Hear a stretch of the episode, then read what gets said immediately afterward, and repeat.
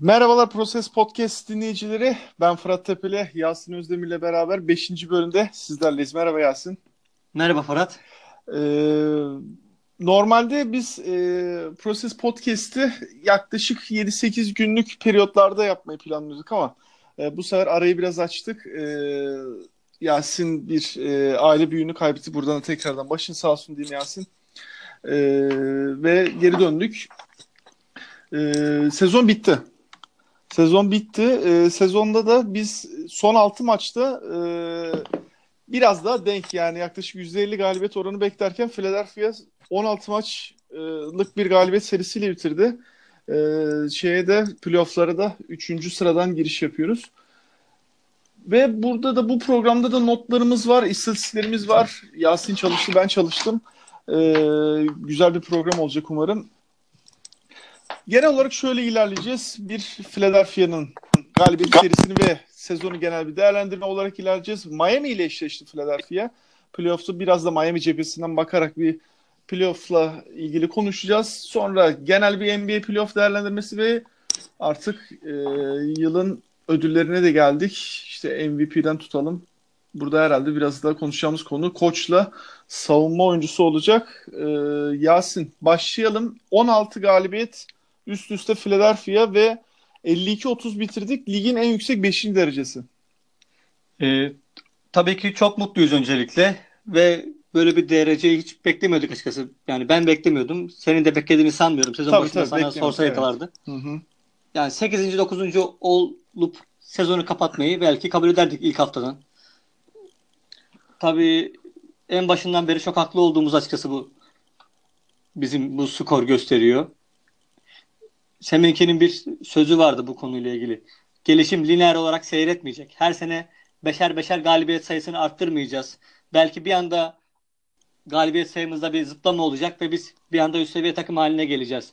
Şeklinde açıklamaları oluyordu kendisinin. Ee, bu sezon mesela ben ilk defa draft edilen oyunculara bakmadım. Şu an draftlarla ilgili listeleri takip etmiyorum.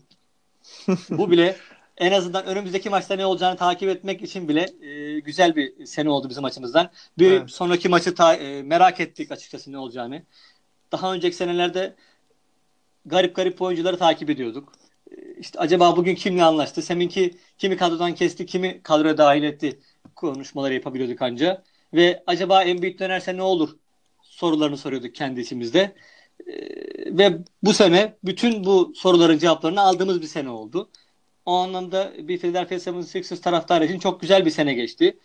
2000'li yılların başından beri en iyi sezonumuzu yaşadık. Ee, dolayısıyla bütün Twitter aleminde acı çeken Sixers taraftarına şimdiden e, geçmiş olsun diyorum ben de. Tebrik ediyorum onların. Ee, evet, gemi, bugünleri gemi, gördük yani. Aynen. Gemiyi terk etmeyen insanlar olarak. Ee, onun haricinde 16 galibiyetlik serinin bir kısmını da Embiid'siz aldık. Bu da çok önemli. Ee, ki son gün bir istatistik duymuştum ben. Ee, sezonu 16 galibiyet serisiyle tamamlayıp playoff'a giren bir takım NBA tarihinde daha önce hiç olmadı. Evet orada e, bir bakıma bir rekor kırdık yani. E, playoff'a en formda giren ekip olarak galibiyet serisi bağlamında diyebiliriz. Doğru diyorsun. Bu sezonda çok hikayeler içeriyor aslında kendi içerisinde. İşte Markel Fultz'un durumu, Embiid'in e, çok iyi oynaması, son anda sakatlanması son dönemde Ben Simmons'ın yani hiçbir şekilde bir çaylak duvarına toslamadan oyununa devam etmesi, sahada gayet tecrübeli bir oyuncuymuş gibi oynaması, emin duruşu yani vücut dili çok iyi Ben Simmons'ın. Bir defa bunu e, vurgulamak istiyorum ben. Onunla ilgili çok soru işaretleri vardı bu anlamda. İş disipliniyle ilgili, savunma disipliniyle ilgili. Büyük ihtimalle Markel Fultz da e, Ben Simmons da biraz daha kötü takımlarda kolej liginde oynamanın dezavantajını yaşadılar bu anlamda. Orada açıkçası o kötü takım ortamlarından etkilenerek biraz savunmada efor sarf etmediler ve bu onlarla ilgili draft öncesinde kötü izlenimler oluşmasına sebep oldu. Ama biz lige geldiklerinde hiç böyle bir şeyle karşılaşmadık. Ben Simmons savunmada gayet efor sarf ediyor ve çok iyi bir savunmacı. Komple bir oyuncu. Bunu kabul etmemiz lazım. Şu anki haliyle bile. Markel Fultz hiç şutu yokken bile şu anda savunmada beklediğimizden çok çok daha yine iyi bence. Bir defa e, uzun bir oyuncu olması, fizikli bir oyuncu olmasının avantajını kullanıyor. Bu sezona tabii ki ancak böyle bir son yakışırdı. Markel Fultz'un triple double ile sezon bitti. Bir de bunu konuşmamız lazım belki de.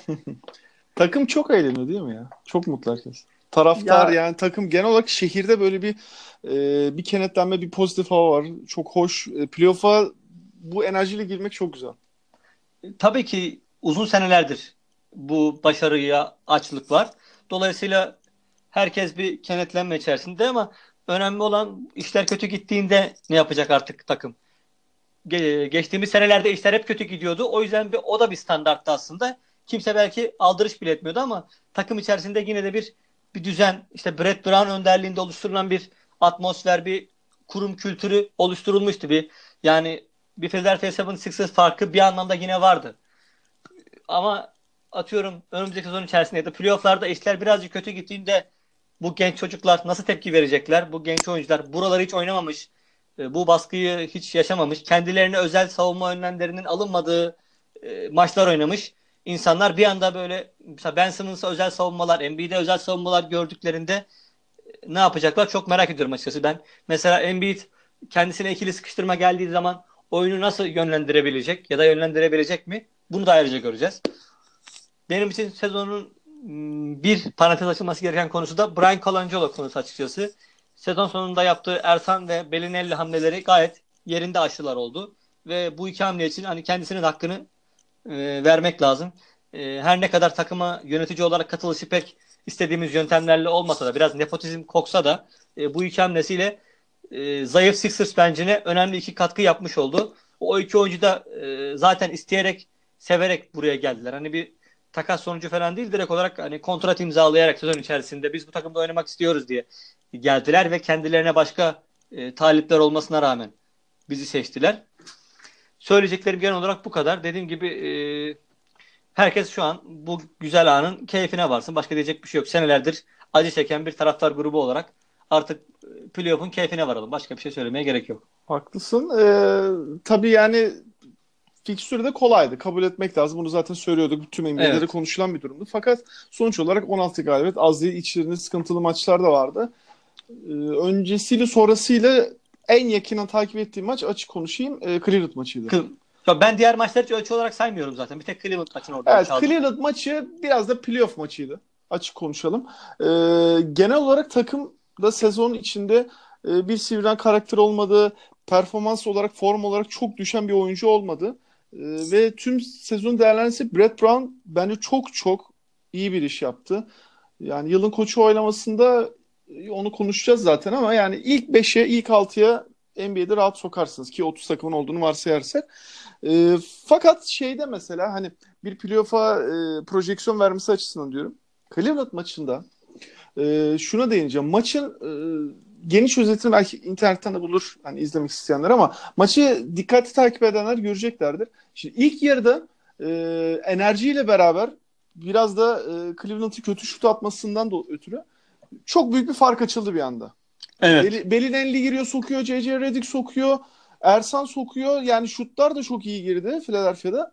Fakat üçüncü periyodun ikinci yarısından dördüncü periyodu al. Oradaki bir buçuk periyotluk kısımda Brett Brown tam bir akıl tutulması yaşadı. Bak yani ben televizyon karşısında görüyorum o nasıl göremiyor gibi bir hissiyatım oluştu artık. Cleveland hep aynı oyunu oynadı. Örnek veriyorum o anki 5'te 2-3 numarada Redick, Bellinelli hangisi varsa oradan e, bir mismatch yakalıyor LeBron. Yani adam değiştiriyorlar switch'ten sonra ve kaç tane bomboş turnike attı. Bellinelli'yi C.C. Redick savurup ya turnike atıyor ya oradan post-up'a yatıyor yine turnikeyle bitiriyor. Bir ya da iki tane de direkt üçlüye kalktı ve üçlük soktu. Şimdi bütün sezonu konuşuyoruz çok iyi. Sadece hani bununla niye değiniyorum? İşte bu biraz bakalım playoff'ta dediğin gibi yani işler sıkıştığında biraz daha e, ciddileştiğinde yani karşınızda Nets olmadığında işte Charlotte olmadığında Dallas olmadığında bakalım nasıl gidecek. Orada biraz Brett Brown'u merak ediyorum. Yani maç gidiyordu neredeyse. O da son e, yaklaşık 3-4 dakikada Ben Simmons orada çok büyük karakter koydu. Yaş daha 21 bakıyorsunuz. Ama gerçekten karakter koydu. Sonuçta 3-4 dakikada maçı kopardı. Yani ee, gidiyordu maç. Zaten hele sonda Covington'ın yani şaka gibi 3 e, atışlık faulü falan tam krize girmişti. E, LeBron faulleri kaçırmasaydı zaten uzuyordu da. E, yani hani öyle maç içinde biraz da Brett Brown da e, buralarda çok tecrübe değil koç olarak. Yani tabii San Antonio tecrübesi çok fazla ama e, head coach olarak çok tecrübesi yok. Çok merak ediyorum. Ben iyi bir performans sergileyeceğimizi düşünüyorum. O ayrı mevzu. E, ama tam da seninle hep konuşuyorduk ya. Milwaukee, Washington, Miami. Hangisine kaçmak istersin? Miami. İşte sakınan göze çöp battı. Battı ee, yani. Miami ile eşleştik. Ha, tabii ki takımın e, formda girmesi önemli bir kriter. E, muhtemelen de Embiid ikinci maçta beraber gelecek. Çok çok düşük bir ihtimal ilk maçta oynama durumu var ama ben zannetmiyorum. Muhtemelen oynamayacak. E, ondan dolayı orada Hasan Whiteside eşleşmesini dediğim gibi yine konuşacağız ama e, biraz Brett Brown'a da parantez açmak istedim. Tabii Sezon de... genelinde mükemmeldi. Kesinlikle hakkını vermem lazım. Yani bu takımda bak Redick Ersan Benlili'yi saymak istemiyorum. Onlar sonradan geldiler. Yani çok maç oynadılar ama sonradan geldiler. Redick e, onun dışında e, işte Amir Johnson onun dışında biraz Robert Covington'ı artık sayabiliriz. Deneyimli diyebileceğimiz bu oyuncular var. Başka da kimse yok. Hepsi 24-25 yaş altı oyuncular. Ee, ve bunlarla hem oyuncu gelişimine çok büyük katkı verdi. Hem de takım gerçekten 52 galibiyet yani çok yüksek. Ee, bahsettiğin e, Seminki açıklaması da zaten son dönemde en dönen açıklamalardan biri, oldu. biri. Evet evet yani biz her yıl beşer galibiyet eklemeyeceğiz. Bir anda bir e, zıplama e, gerçekleştirme amacıydı ve dedi de çıktı yani. Ki Doğu zaten buna çok Doğu konferansı buna çok müsait bir konferans. Haklısın evet. Yani biraz toparlanınca zaten belli yerlere geliyorsun. Aynen yani sıradan yani ortalamanın biraz üstü, vasatın biraz üstü bir takım olduğunuzda zaten kendinizi bir anda ilk dört sıranın içerisinde buluyorsunuz. Aynen Şöyle... öyle ve e, şuna değinmek istiyorum Colangelo e, eklemende. Evet. Sezon içindeki eklemelere bak. E, bence tüm 30 takım içinde e, en iyi eklemeler Philadelphia'da oldu. En iyi o zaman tuttu. O zaman yine bir trollük yapacağım. En iyi GM olarak sezon yöneticisi olarak seçebilir miyiz? Çok iddialı oldu ya. Aynen. ee, Ama onda... şey Chris Paul takasıyla belki zaten işin şakası bir yana Chris Paul takasıyla e, Chris Paul hamlesiyle direkt yani Daryl Morey yine aldı herhalde. Evet o, o tarafta tabii Houston koptu. Ee, şimdi biraz Miami eşleşmesine de bakalım. Hı hı. Ee, burada şimdi Miami dengesiz bir takım. Bunu biliyoruz. Hı hı. Ee, standartta katkı veren çok az sayıda oyuncusu var. Yani işte Tyler Johnson biraz, e, Hasan Whiteside biraz. O da işte Hasan Whiteside'ın son zamanlarda biliyoruz ki e, takımla ilgili rahatsızlıkları var. Kritik birkaç maçta son periyot oynamasından dolayı işte basın açıklaması vardı yani. E, ben bu takımın hani liderim liderlerinden biriyim ama maç sonu oynamıyorum. Neden tarzında. E, takımın en skorerlerinden Dion Waiters sakattan dolayı oynamıyor. Sezonu kapatmıştı. E, Wade takviyeleri var. Wade e, ilk podcastimizdi. ikincisinde miydi? E, evet. Meşhur maç sonu oyunuyla maç sonu oyununda aynen proses podcast'te bahsetmiştik. E, maçı koparmıştı. Yani tahminlerimizi söyleyeceğiz. Ee, sen de lütfen yorumunu kat. Biraz hı hı. tehlikeli bir takım olduğundan bahsetmiştik ve bundan dolayı biraz çekiniyorum ama Philadelphia'nın seri vereceğini de düşünmüyorum. Çünkü çok formda giriyoruz ve maçı bir anda vurup çekiyor takım. O çok güzel. Dediğim gibi Cleveland maçı biraz istisnaydı. Yani orada e, Brett Brown'la biraz akıl tutulması yaşadı. LeBron zaten e, hiçbir zaman maçı bırakmıyor. E, takımı da ayağa kaldırdı. Çok iyi oynadı.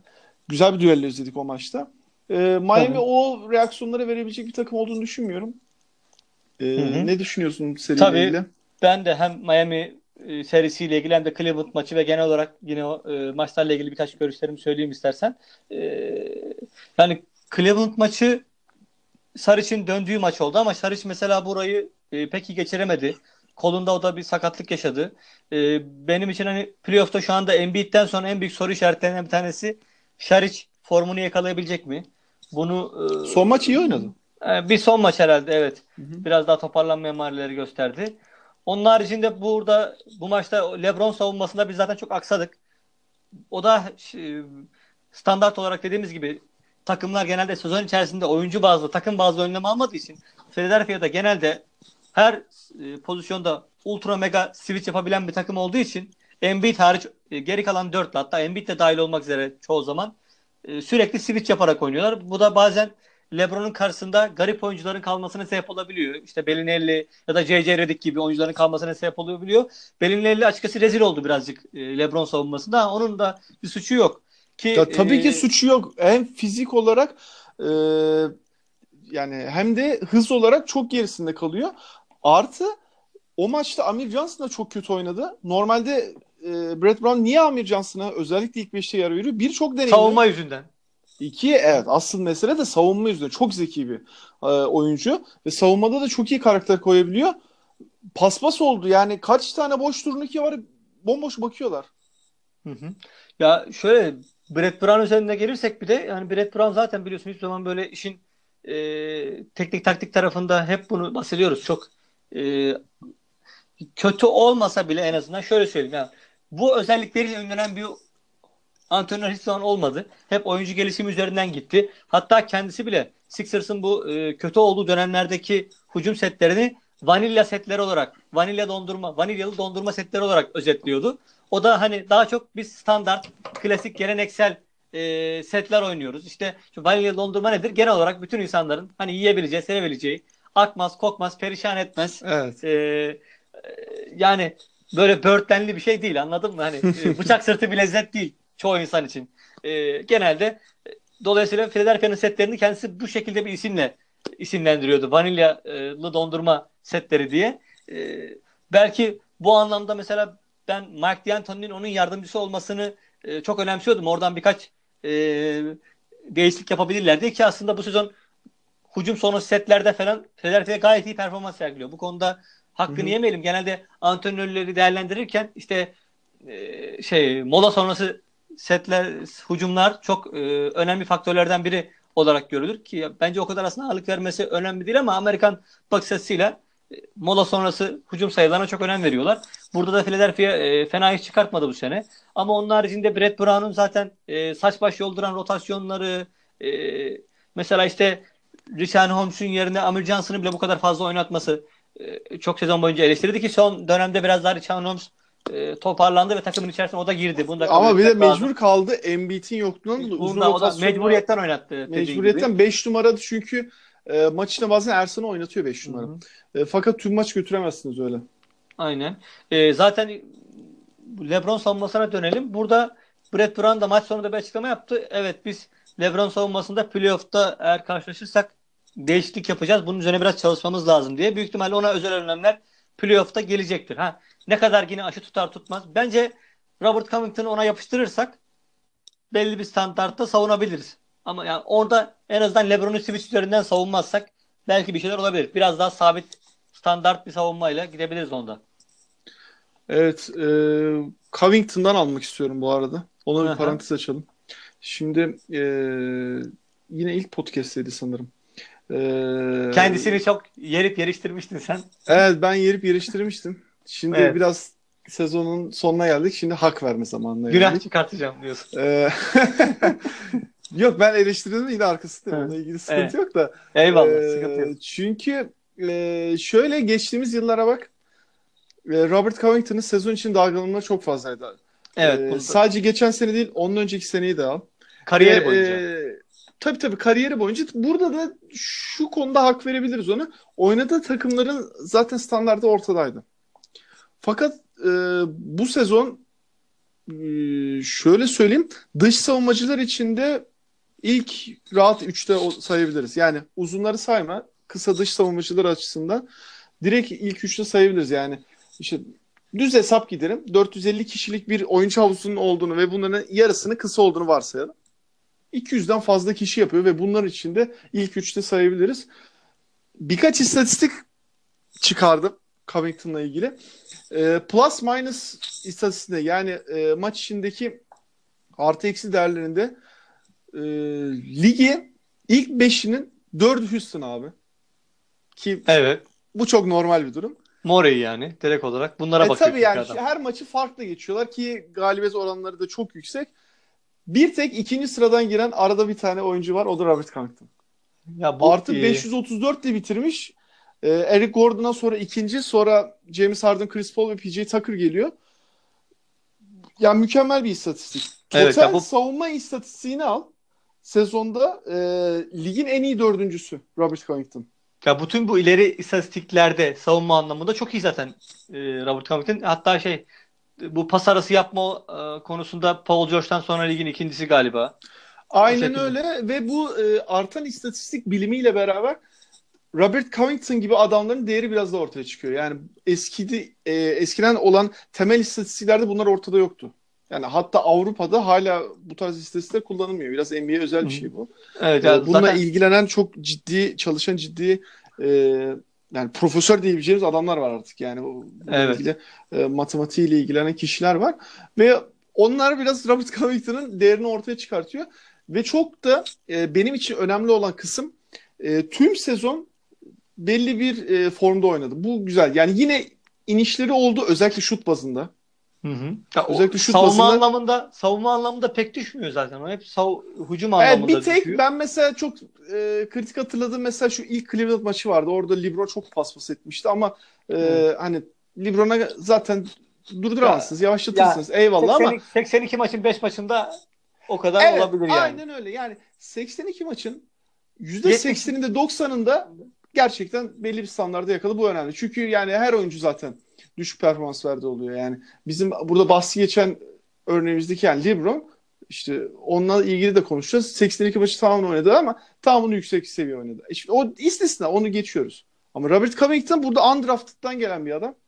Ve buralara gelmiş olması mükemmel.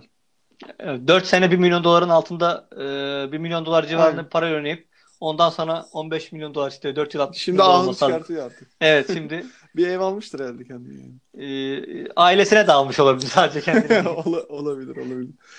Ee, hani ona da bir e, bahsetmek istedim. Hı hı. Miami serisiyle ilgili şimdi eklemek istediğin bir şey var mı? Nasıl gider sence seri?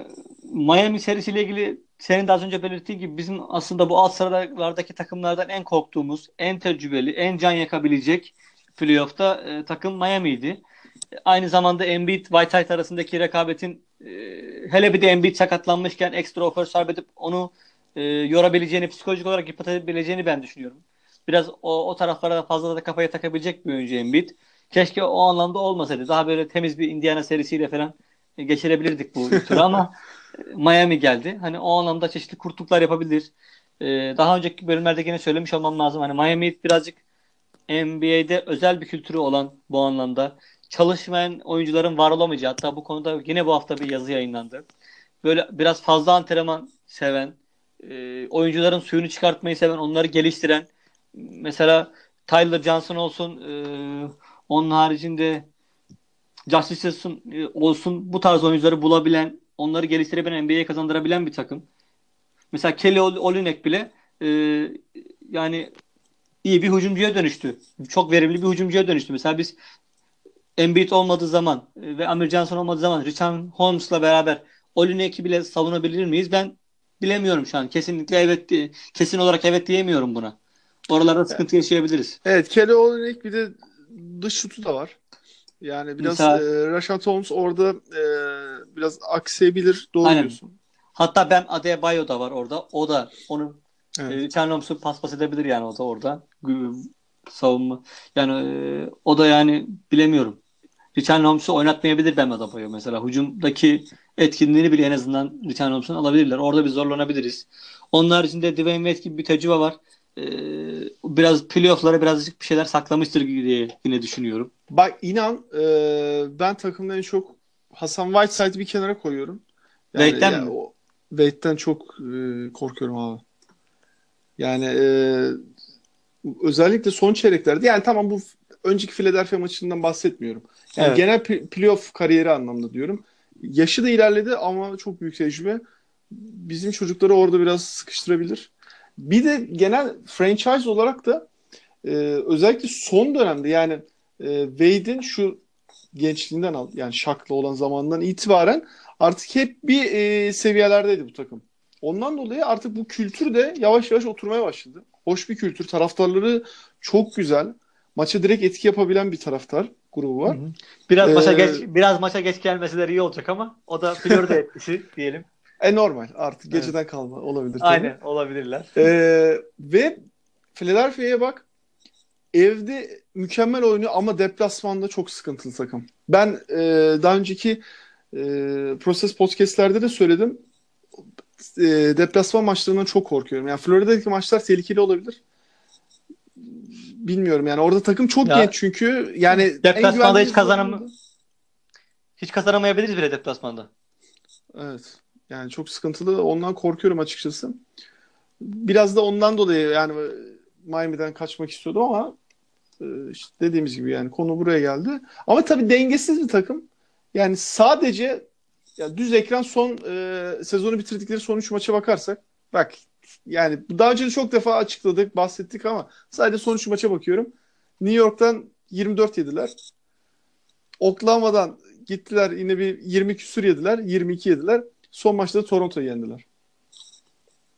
Yani ne diyebiliriz ki buna şimdi? Çok dengesiz takım yani. Hani e, ondan dolayı böyle bir hava yakalarlarsa işte James Johnson falan şutu yanarsa bunlar olabilecek şeyler ve mesela e, son Toronto'yu da e, Wayne Ellington tek başına yendi yani.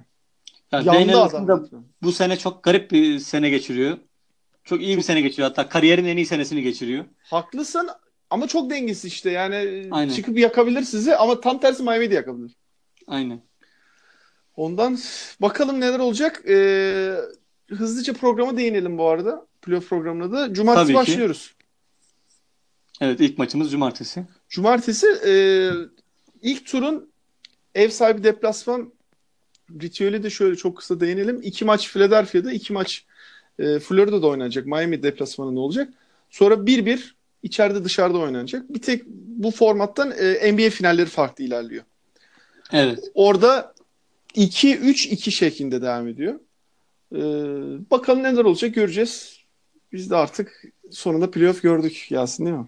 Evet. Uzun seneler sonunda. Evet. Ve bize umut vaat eden bir kadroyla gördük. Yani Thaddeus Young'lı, Drew Holiday'li kadroyla görmedik. Görmedik. Yani- Zaten o kadrodan başlıyor muhabbetti. Aynen. Sen de biliyorsun yani bu tanking muhabbetleri ilk o kadrodan başlıyor. Orada Drew Holiday'in takasıyla bugünlere Aynen. kadar Ki benim geldik. çok sevdiğim bir oyuncudur Drew Holiday normalde. O ayrı bir şey ama evet o iş takımın tek- ahlakı, e, genel oyun yapısı ben de beğeniyorum ama tavanı belli. yani Tavanı belli. Ve Philadelphia en son e, 50 üstü galibiyet aldığında e, 2000-2001 galiba abi Allen Iverson Lue'nun üstünden geçiyordu işte. mesela. o günlerden bugünlere geldik. Bakalım neler olacak. Ee, Biz de heyecanlıyız. Şimdi playoff eşleşmelerine geçelim yavaştan tüm NBA'de. Tamam. Direkt o zaman Miami serisiyle ilgili skoru söyleyelim kafamızdaki. Sen söyle Abi istersen. e, ben 4-1 diyorum. Bir puanı da V'de yazdım. Onda V'de yazın diyorsun. Ben Embiid'in geç gelme ihtimaline karşın 4-2 diyorum. Sen yine Emniyeti hiç. emni, aynen emniyeti şey aldın Bir takıma ama- bu kadar mı güvenmiyoruz ya? Geçen haftaki tahminlerimize değinelim istersen bence. Abi Şahsen aynen öyle. ben- Son 6 maç için e, sen 3-3 ben de 4-2 demiştim. Aynen. E, 16 galibiyetlik seriyle Yani- geldik. Ben Ya- Simmons, Ben Simmons bizim yüzümüze böyle vurdu vurdu geçti yani. Abi hiç sıkıntı değil ya. Vallahi hiç sıkıntı yeter değil ki, yani. yeter ki yensinler. Biz Gerçekten biz her program esiri olabiliriz. Pro- Problem Aynen. yok yani. Ben benim vicdanım rahat. Benim de hiç hiç problem değil. Ee, ben 4-1 diyorum dediğim gibi.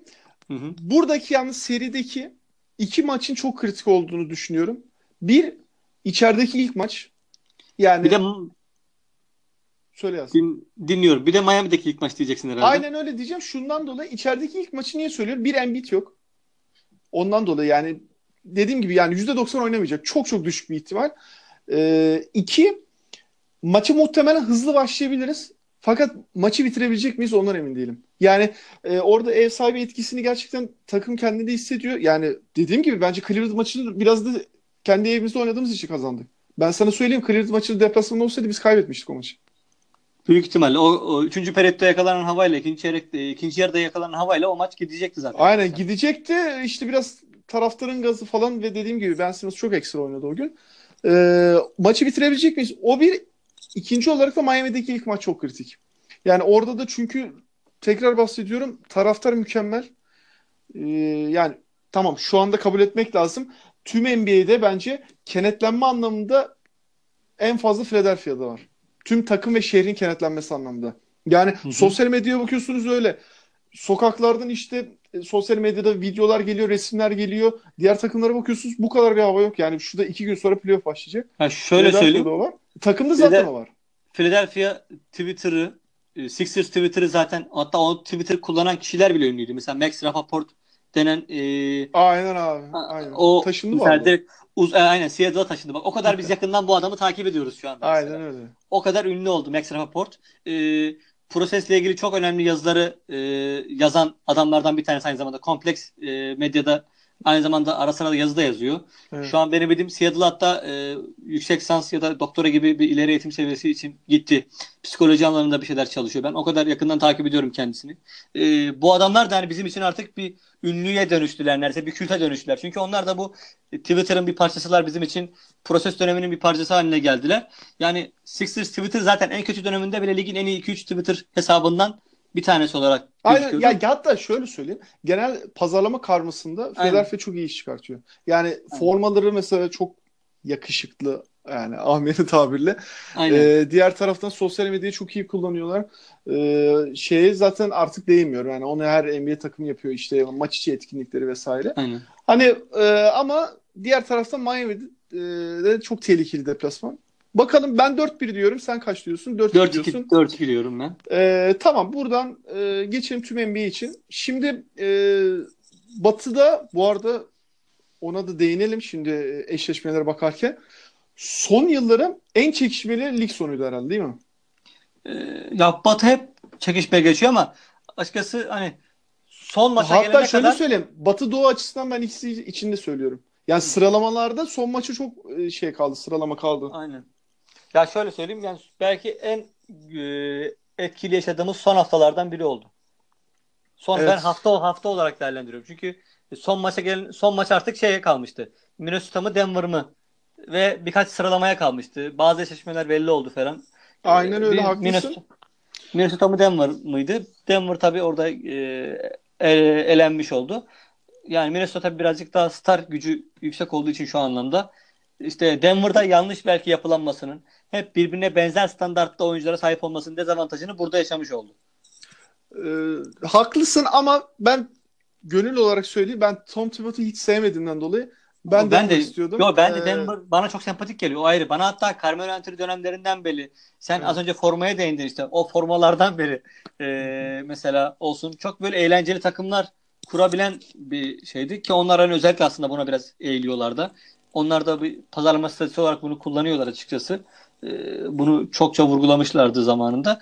Biraz daha böyle işin eğlencesine kaçan, uçan kaçan oyunculardan oluşmaya çalışıyorlar. E, benim de yani gönlüm o anlamda bakarsan Denver Nuggets izlemekten yanaydı. ama, Ama Jimmy olmadı. Butler e, olaya el attı diyelim yani. Aynen. Ee, Kendini de- aldı. Denver'la ilgili enteresan bir istatistik buldum. Abi Tabii. Nikola. Jokic e, biliyorsun e, takımın artık lideri yani sağ içi lideri diyebiliriz yani. Çok enteresan bir oyun stili var. Savunma sıfıra yakın ama hücumda çok enteresan. Tüm takım ileri taşıyor. Son maçı alma. Minnesota maçını alma. USA Today'de bir ilginç istatistik buldum abi. E, sezon için 9 tane triple double yapmış. Ama toplam smaç sayısı 8. Hani bu da onun oyunun aslında nasıl e, enteresan olduğunu gösteriyor. Yani bir uzun oyuncu hani pot altına iyi bir bitirici olmasını beklersiniz ama artık NBA nasıl evrilmiş yani. Burada artık e, center'lar bile oyun kuruyor. Bunu bana değil de e, Richard Holmes'a söylersen adam hata verebilir yani. Mavi ekran çıkabilir gözünde. Evet. Rashan Holmes'un tam tersi e, smaç üzerinden Ne varsa smaçlamaya çalışıyor o da. Aynen öyle. Mesela Amir Johnson'da da şey var. Her hepsini bir çengel atışa çevirme. Çengel En atış yak- o da. Eski toprak yani. Öyle Aynen. düşünmek lazım. Adam yani. her yerden çengel atış atmaya çalışıyor. Evet Böyle şimdi önü e, boşken bile çember atış atmaya çalışıyor. Doğru diyorsun. Şimdi orada da e, Minnesota Houston'la eşleşti. E, hemen hızlı bir senden bir tahmin Tabii. alalım. Minnesota Houston Maç Aa, alır mı Minnesota? Ben 4-0 Jimmy- diyorum. Jimmy Butler yine belki bir tane aldırmaz mı ya? Yok Carl Anthony Towns'la Houston çok ağır basıyor ya. Çok enteresan kafalar yani. ya Çok ağır basıyorlar ve şey e, Jimmy Butler'ı muhtemelen Chris Paul alabilir. Chris Paul da çok sağlam savunma. Orada iyi kavga çıkacaktır yani. İkisi de fizikli oyuncular. Ha, Jimmy Butler'ı daha uzun Bu arada belki. Luke Richard Mbamute sakatlanmış. O da belki savunmada baya onlara Hmm. yardımcı olacaktı o anlamda. Yine Ben- de ben Houston'u çok ağır görüyorum. O ayrı canım. Ama 4-1 ya. Biraz daha lay lay lom geçirebilir Houston bu seri. 4-1. Yani lay lay lomken bile 4-1 yani öyle söyleyeyim. evet devam ediyoruz. Ee, Evet. San Antonio Golden State ne diyorsun? 4-1. Ben işte evet ben de ya 4-1 ya 4-2 diye düşünüyorum. Şimdi niye? Normalde baktığınızda e, bir ya da iki galibiyet neden verdiğimde hızlıca bahsedeyim. Çünkü şey bir körü yok. Ha Evet. bu ben, ben şu aşamada çok etkileyeceğini düşünmüyorum ama iki e, Aldridge çok enteresan bir sezon geçiriyor. Son yaklaşık 2-3 ayda tek başına yani takımla bir ikinci oyuncu sayamıyorsunuz. Tek başına bu takımı Batı'da playoff'a soktu ve 7. sıradan soktu. Bir ya da iki maç alabilir diye düşünüyorum. Yani ben de seninle benzer fikirdeyim. 4-1 ya da 4-2 olarak düşünüyorum yani. Ee, Portland, New Orleans 4-3. Ama hangisi diyorsun? Portland. 4 işte böyle bir soru geliyor. Ee, ben de 4-2 diyorum. Portland diyorum ben de. Ee, orada çünkü Lillard bu sezon gerçekten e, bir seviye atladı ve bence atladığı konu da hücum değil, savunma. Takım yani halinde savunma olarak iyiler zaten. haklısın. Biraz daha. Takım halinde de çok iyiler ama e, hani düz hesap gidelim. Hani savunma kısalardan başlar derler yani ön alanda başlar Evet. derler. E, orada gerçekten e, Lillard bu sezon kendini çok geliştirdi. E, onlar da ben de benzer fikirdeyim seninle. Ama geldik dananın kuyruğunu koptuğu yere. Oklahoma City Utah Jazz ne diyorsun? Ee, 4-4. Yani öyle bir öyle bir seri. Öyle bir seri bu. Abi çok enteresan. Yani bu seri 7. maçta bitmemeli o derece. 9'a falan uzatsınlar yani o derece. kağıt üstünde baktığında Oklahoma zaten ağır basıyor. Yani ona bir şey diyecek durumumuz yok. Evet. Orada da işte playoff'ta elin titrediği anlarda yıldız gücü e, star Oklahoma. gücü, karakter karakter koyabilecek e, profilde oyuncu sayısına baktığın zaman hani sezon boyunca eleştirilen Carmelo Anthony bile bir maç çıkıp alabilir yani. Buna kimse hayır diyemez. Tabii tabii. Aynen. Bir gün oynayacağı tutar olur yani. Ve bu, yani buralarda da bir maç bir maç yani. Zaten Aynen, dört maç bir olunca maç- seriyi geçiyorsunuz sonuçta. 7 maçtan bir maç almak çok önemli bir şey. Çok önemli bir şey. Ee, Ben buna bir yorum yapamadım. Yani soru işareti koydum. Ee, mantıken Oklahoma. Yani Evet. Westbrook hani arkadaşlar güldük eğlendik ama o kadar da değil demesi lazım Utah için yani. Çünkü Utah kapasitesinin üstünde bence bir sezon bitirdi ve son e, 40 maçta 50 maçta yani sezonun ikinci yarısında çok saygı duyulacak oyun oynuyorlar. Ya ben yine de 7'ye uzamaz diyorum. Oklahoma'ya burada güveniyorum. E, 4-2 diyorum. 4-2 diyorsun. Ben bir şey demeyeyim skorla ilgili. Ben çok başı baş geçtiğini Tamam. düşünüyorum. Yani 4-2 ya da 4-3. Ama ben de Oklahoma'nın kazanacağını düşünüyorum. Yani Batı için ev sahibi avantajı olan takımlar için biz tamamını geçeceğini düşündük. E, doğuya geçelim. E, Philadelphia'yı zaten konuştuk. Toronto Washington diyeyim.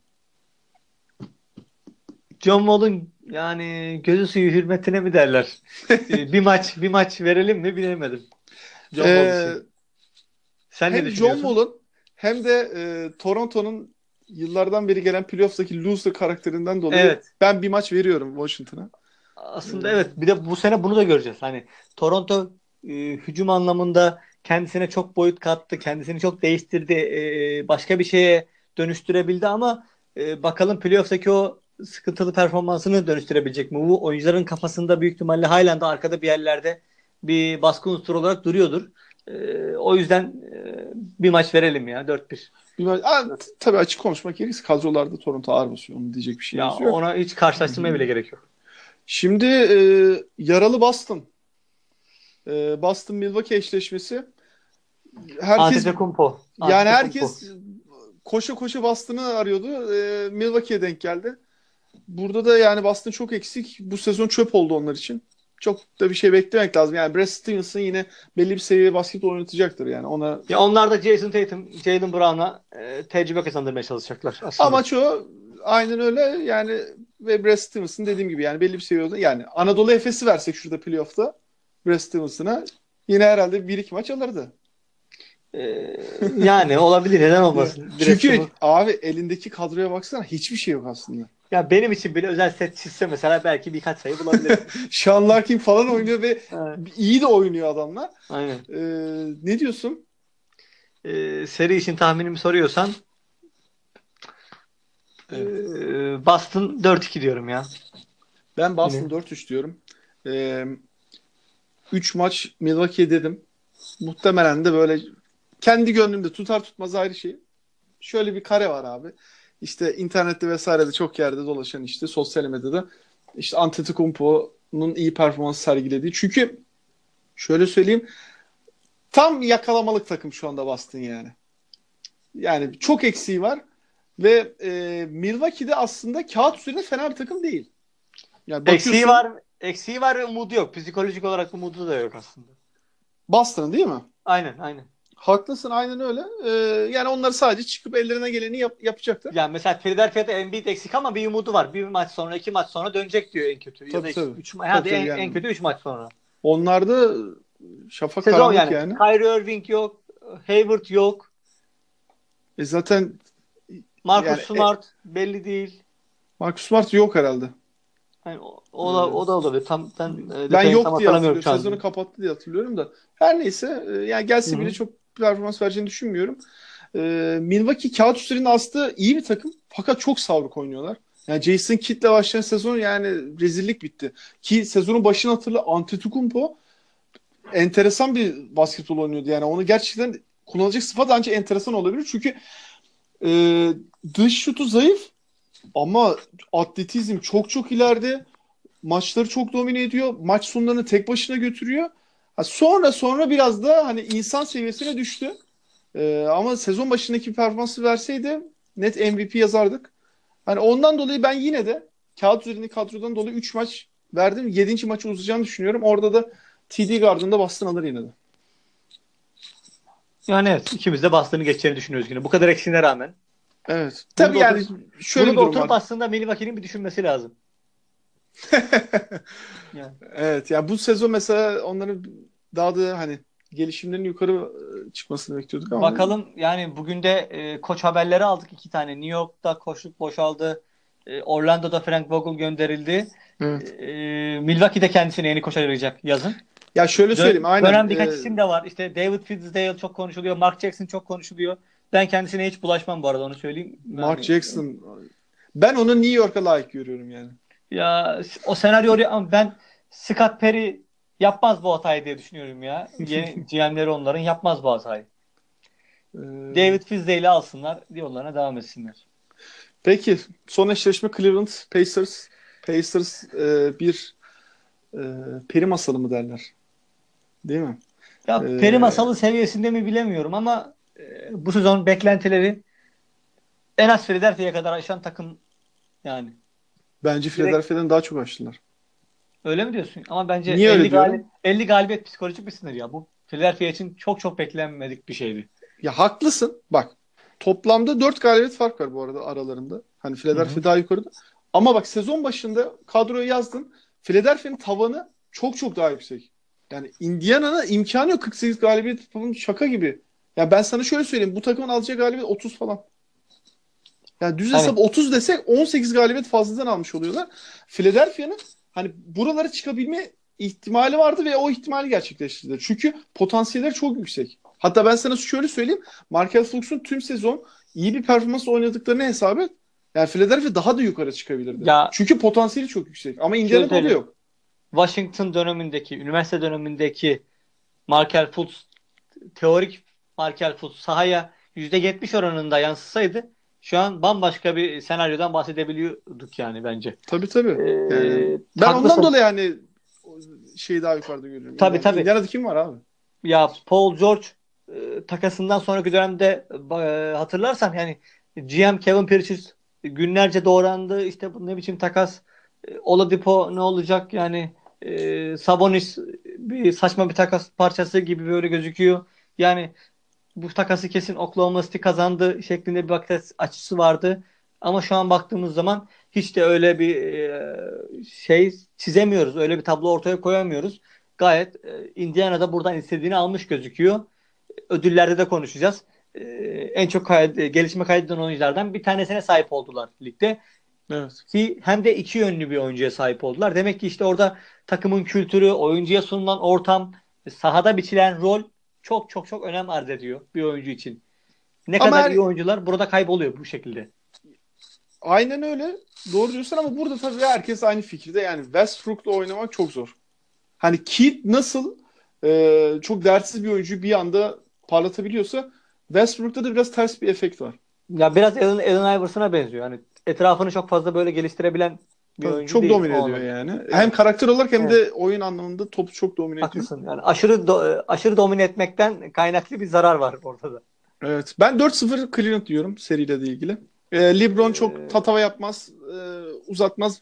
Bir sonraki tur için dinlenmeye bakar diye diyorum. Aslında sezonu bu kadar kötü geçirmiş bir takım için bile 4-0 diyoruz.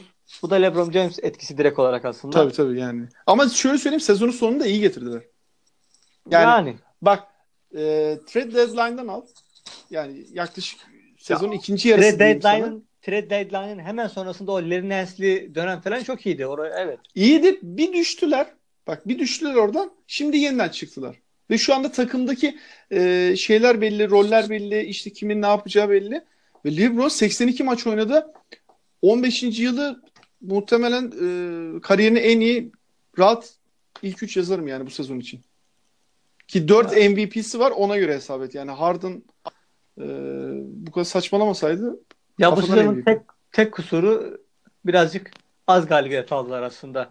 Ki bu onları playoff'ta çok çok çok etkileyecek mi bilmiyorum. Ee, Yani genel açıklamalarında çok takılmadılar oraya yani. Biz Yani. playoff'a girelim çok da önemli değil yani. aynen ya LeBron 8. sıradan da girseydi yine Hı hı. kendi takımını bir yerlere getirecekti zaten yani. Sen ne diyorsun eşleşmeye? Ee, 4-1 diyorum ya. Oladipo'nun yüzü suyu hürmetine mi? diyorsun? Aynen o şekilde.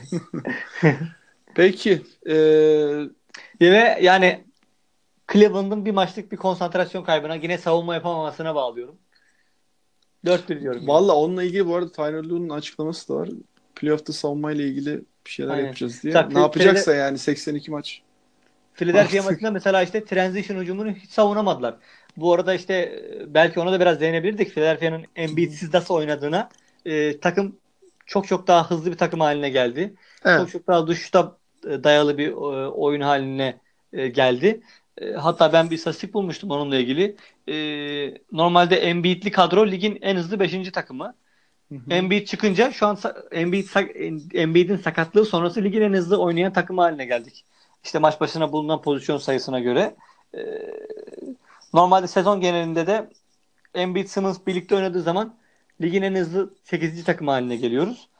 Embiid'siz Simmons tek başındayken zaten yine ligin en iyi takımı aslında. Yani orada biraz hızı kesen Embiid'in büyük ihtimalle alçak posta oyunları oluyor. Aynen öyle. Yani orada bir izolasyondan kaynaklı olarak. Evet. Yani bak bu dediğine şöyle çok basit bir örnek verebilirim. Son maça bak abi. Milwaukee maçına. Hava atışı oluyor. Philadelphia alıyor. Tak hemen köşeden Berinelli mi CC Redick miydi? 3 saniye içinde üçlü yolladı ya. Fark ettin mi? Bak maç başına Hı hı. özeti açmak abi. Çok enteresan ya. Tak yolladı hemen 3 sayıyla başladı. Daha 3-4 saniye oldu olmadı yani. Yani hava atışının öncesinde hiç beklemediler. Hani dur bir hani takım yerleşsin de şu olsun bu olsun. Direkt olarak hız temelli bir takım şu anda bu. Yani Aynen Embiid'siz öyle. takım. Ve nazar değmesin yani artık böyle doğaya büyülere falan gireceğiz iyicene. Takım çok iyi şut atıyor. Aynen. Ee, zaten bu seviyede bunu atmak lazım artık. Atamıyorsun zaten. Bu seviyelere çıkamıyorsun bir. Burada da maç kazanamazsın. Yani gerçi e, playoff'ta savunma direnciyle belli bir yerlere kadar getirebiliyorsun ama işin ucunda yine artık üçlük üçlük üçlük yani. İyi üçlük attığın günü kazanacaksın.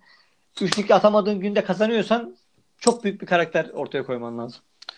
Evet şimdi e, yıl içi ödüllere geçelim. Burada çoğu ödül artık e, herkes tarafından belli. Aynen. E, Senle o, ben de o kısımları hızlı geçeceğiz biraz da. Yani tekrar tekrar konuşma anlamı yok.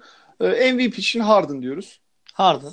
E, orada MIP için yani en çok gelişme kaydeden oyuncu için Oladipo. Oladipo.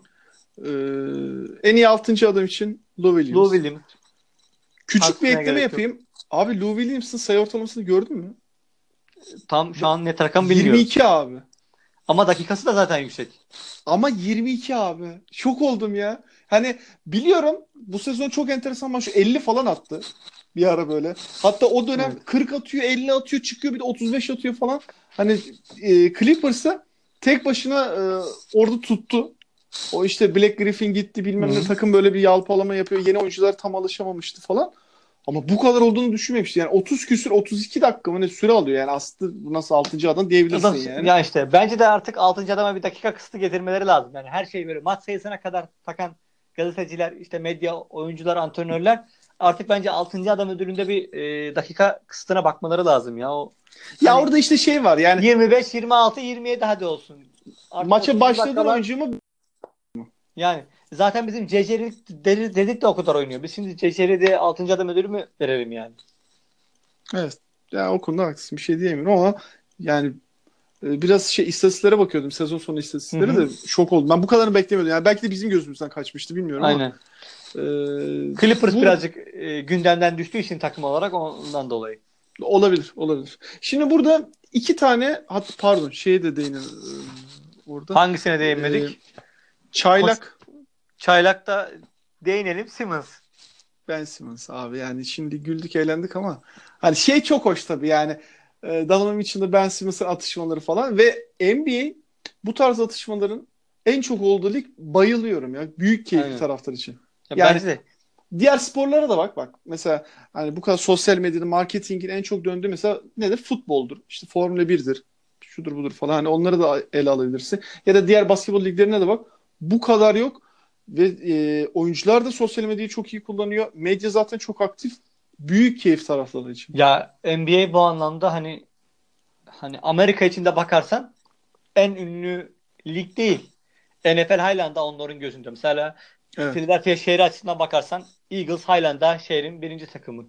Ee, ama onun haricinde uluslararası arenaya baktığın zaman NBA'in pazarlama gücü bunların çok çok üzerinde.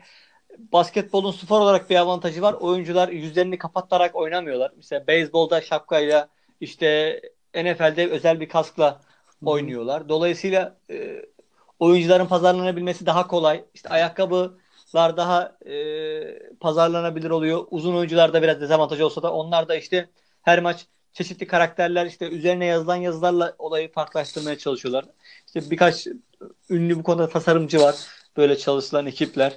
E, yani o pazarlama gücü anlamında tabii NBA'yi özel bir yere koymamız lazım. Haklısın. Ee, ve Ben Simmons bizce e, yılın çayla. Ya Şöyle o bir soru sorayım. sweatshirt'te ben sorayım ilk önce. Yazıyı gördün değil mi o şey Rookie. çaylak rookie- çaylak tanımını? Hı hı. Mesela Ben Simmons direkt olarak şey dedi. Benden daha iyi oyuncu yok. Ben kimse hani hiçbir çaylağa e, dikkatimi çekmedi gibi direkt açık net bir açıklama yaptı. Ama e, Donovan Mitchell böyle bir şey söyleyemedi. O çaylak tanımı yaparak Ben Simmons'ı vurmaya çalışıyor. Mesela Donovan Mitchell da eğer Ben Simmons'tan iyi bir oyuncu olduğunu düşünüyorsa direkt bunu açıklayabilirdi. Ben ondan daha iyi bir oyuncuyum. Şunu şunu daha iyi yaptım. Ondan daha iyi hücumcuyum diye bir açıklama yapabilirdi.